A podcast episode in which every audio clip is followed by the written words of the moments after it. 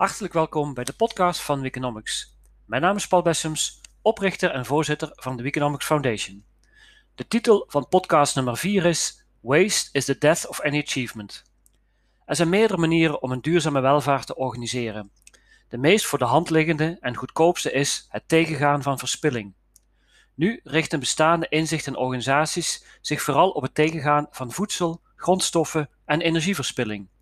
Dat is heel belangrijk, maar voor een houdbare welvaart moeten we ook kijken naar verspilling van menselijk kapitaal, veroorzaakt door digitale verspilling in kantoren. Verspilling is een verzameling activiteiten die door de aanbieders in een keten worden uitgevoerd, maar voor de eindklant geen toegevoegde waarde hebben. Voorbeelden van digitale verspilling zijn overtypen, fout herstellen, claims verifiëren en vragen stellen aan anderen. Wanneer twee mensen geen gedeelde werkelijkheid kennen, zullen ze vragen aan elkaar stellen om dit te realiseren. Dit is niet nodig omdat er ook organisatietechnologie is om dit te realiseren. Het creëren van een gedeelde werkelijkheid kost geld, maar het niet hebben ervan veel meer. Belangrijke vragen zijn dan ook: waarom zijn we ons onvoldoende bewust? Waarom besteden we onze kostbare tijd aan onnodige kantooractiviteiten en wat kunnen we daaraan doen? Concreet leg ik een verband tussen de digitale lopende band, die ervoor zorgt dat we minder onnodig in kantoren zitten, en het aanwenden van het surplus dat hierdoor ontstaat. Stel je eens voor dat er wel vertrouwen en geen onduidelijkheid meer is tussen mensen, afdelingen en organisaties. Waarom zouden we dan nog naar kantoor gaan om te communiceren en elkaar te controleren? Want dat is wat we in wezen binnen kantoororganisaties vooral doen: met elkaar communiceren en elkaar controleren. We zitten vooral achter de computer vragen te stellen en antwoorden te geven. Tellen we daar het aantal coronabesmettingen wel of niet op dezelfde manier? Hebben we 120 of 140 FTE's in onze afdeling? Is dit wel het laatst gewijzigde document? Waarom moet ik deze gegevens eigenlijk overtypen in ons eigen systeem? Is deze leverancier wel betrouwbaar genoeg? Allemaal vragen waar het blijkt dat we niet hetzelfde weten, dat we geen gedeelde werkelijkheid kennen. En toch ligt er een gedeelde werkelijkheid steeds meer binnen handbereik door nieuwe technologieën zoals IoT, blockchain en AI. We weten dat de fysieke lopende band voor veel minder frictie zorgt in een fabriek. Het aantal fabrieksarbeiders is binnen enkele generaties meer dan gehalveerd. Zou dit ook lukken met de digitale lopende band in kantoren? Met nieuwe concepten zoals rijke data en datalogistiek moet dit lukken. Met de digitale lopende band moeten we naar een halvering van kantoorwerk kunnen binnen één generatie. Het surplus wat hierdoor ontstaat, kunnen we vervolgens inzetten om maatschappelijke problemen op te lossen. De digitale lopende band is geen totaal nieuwe uitvinding. Dat was de fysieke lopende band ook niet in 1913. Beide concepten zijn opgebouwd uit bestaande uitvindingen. De fysieke lopende band staat eerst bekend als massaproductie. Net als de fysieke kun je ook de digitale lopende band beter als een organisatieconcept zien. Dit concept helpt maatschappelijke problemen op te lossen, maar alleen en alleen dan als we dit concept gebruiken om de maatschappij te veranderen in de richting die wij als ondernemers, mensen en samenleving willen, en niet wat bedrijfsleven, overheid en of politiek willen. De digitale lopende band heeft de potentie om het grootste deel van ons kantoorwerk te vervangen, zodat surplus vrijkomt voor meer betekenisvolle activiteiten. Maar dat lukt alleen als we dit concept als maatschappij gebruiken en het bestaande systeem veranderen in de richting die wij willen. Het lukt alleen als we het concept gebruiken voor het doel waar wij mensen het voor willen gebruiken. Want meer dan de helft van de mensen doet meer dan de helft van de tijd op de verkeerde plaats de verkeerde dingen. Verkeerd in de zin van redundant. Het is organisatorisch of economisch gezien niet nodig. Dat is niet alleen een enorme verspilling, maar ook een enorme kans om met dit surplus ons welzijn te bestendigen.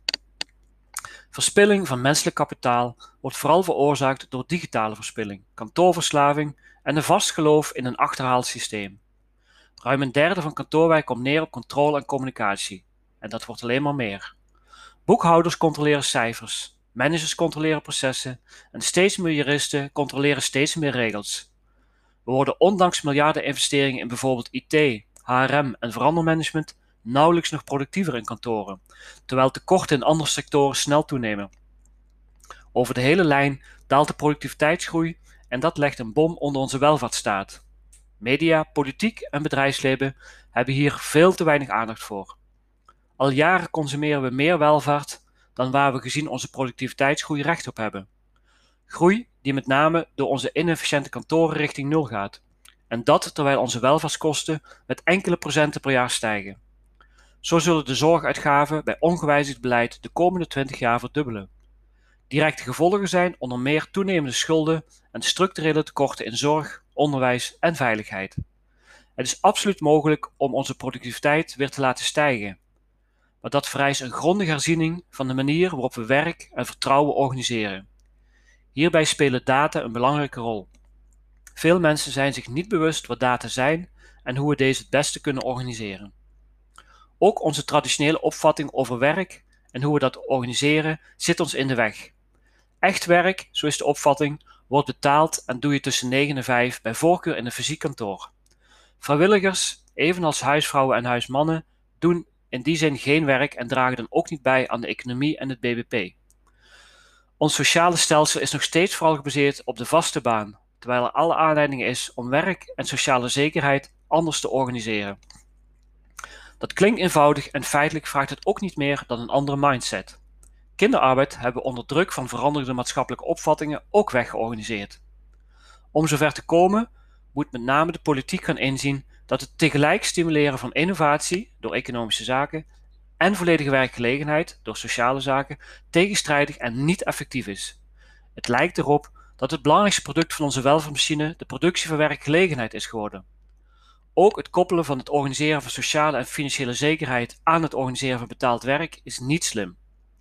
Een belangrijke factor in het organiseren van een duurzame welvaart is dus het tegengaan van digitale verspilling door anders te kijken naar het organiseren van vraag en aanbod van data. Ik kan niet anders constateren dan dat het produceren, opslaan en distribueren van data op dit moment nog erg ambachtelijk plaatsvindt. Vergelijkbaar met het ambachtelijk produceren van een auto voor 1900. Bij het ambachtelijk produceren van een auto is de eenheid van analyse en ontwerp de auto zelf. Medewerkers lopen naar de auto toe en voeren generieke handmatige werkzaamheden uit met als doel het maken van een auto. De lopende band verandert het perspectief.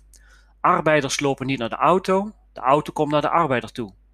En het doel is niet het maken van een auto, maar het zo efficiënt en snel mogelijk maken van een auto. Het perspectief is massaproductie en niet een werkend eindproduct. Zo kunnen we ook het perspectief op kantoorwerk veranderen. Mensen lopen niet naar een magazijn, naar een databank, om materialen, om data op te halen en dit zelf in elkaar te zetten, om uit data informatie te produceren, maar de data komt via een lopende band naar de mensen toe, om via een applicatie omgezet te worden in informatie. Zo zie je dat we veel kunnen leren van het ontstaan en de verdere ontwikkeling van de fysieke lopende band. In ieder geval zorgde de fysieke lopende band voor een reductie van verspilling van menselijk kapitaal in de fabriek. De digitale lopende band zal hetzelfde realiseren in kantoren. Fast forward van de fysieke lopende band naar de 21ste eeuw zien we de overeenkomsten tussen het produceren van een auto en bijvoorbeeld het produceren van een hypotheekofferte met data als grondstof. In de meeste kantoororganisaties gebeurt het laatste, net als het ambachtelijk produceren van een auto voor de fysiek lopende band, nog handmatig. Daarmee bedoel ik lokaal en ambachtelijk. En laat je niet misleiden omdat je een ERP-systeem gebruikt en denkt dat dit al een vorm is van geïndustrialiseerde, geïndustrialiseerde productie van informatie. De fout die je dan maakt, is dat je je eigen organisatie als eenheid van analyse en ontwerp en automatisering neemt en niet de eindgebruiker en de waardeketen. Je kunt niet met jezelf een gedeelde werkelijkheid hebben. Daar heb je minimaal twee actoren, een aanbieder en een vrager bij nodig. Een optimaal ERP-systeem maakt een waardeketen vaak suboptimaal. Wat voor jouw organisatie een werkelijkheid of efficiënte informatievoorziening is, hoeft dan niet voor de hele keten te zijn. De belangrijkste drijfveer om verspilling tegen te gaan zijn bewustzijn dat er verspilling is en een ander perspectief op organiseren. Tot zover deze podcast. Wil je meer informatie? Kijk dan op onze website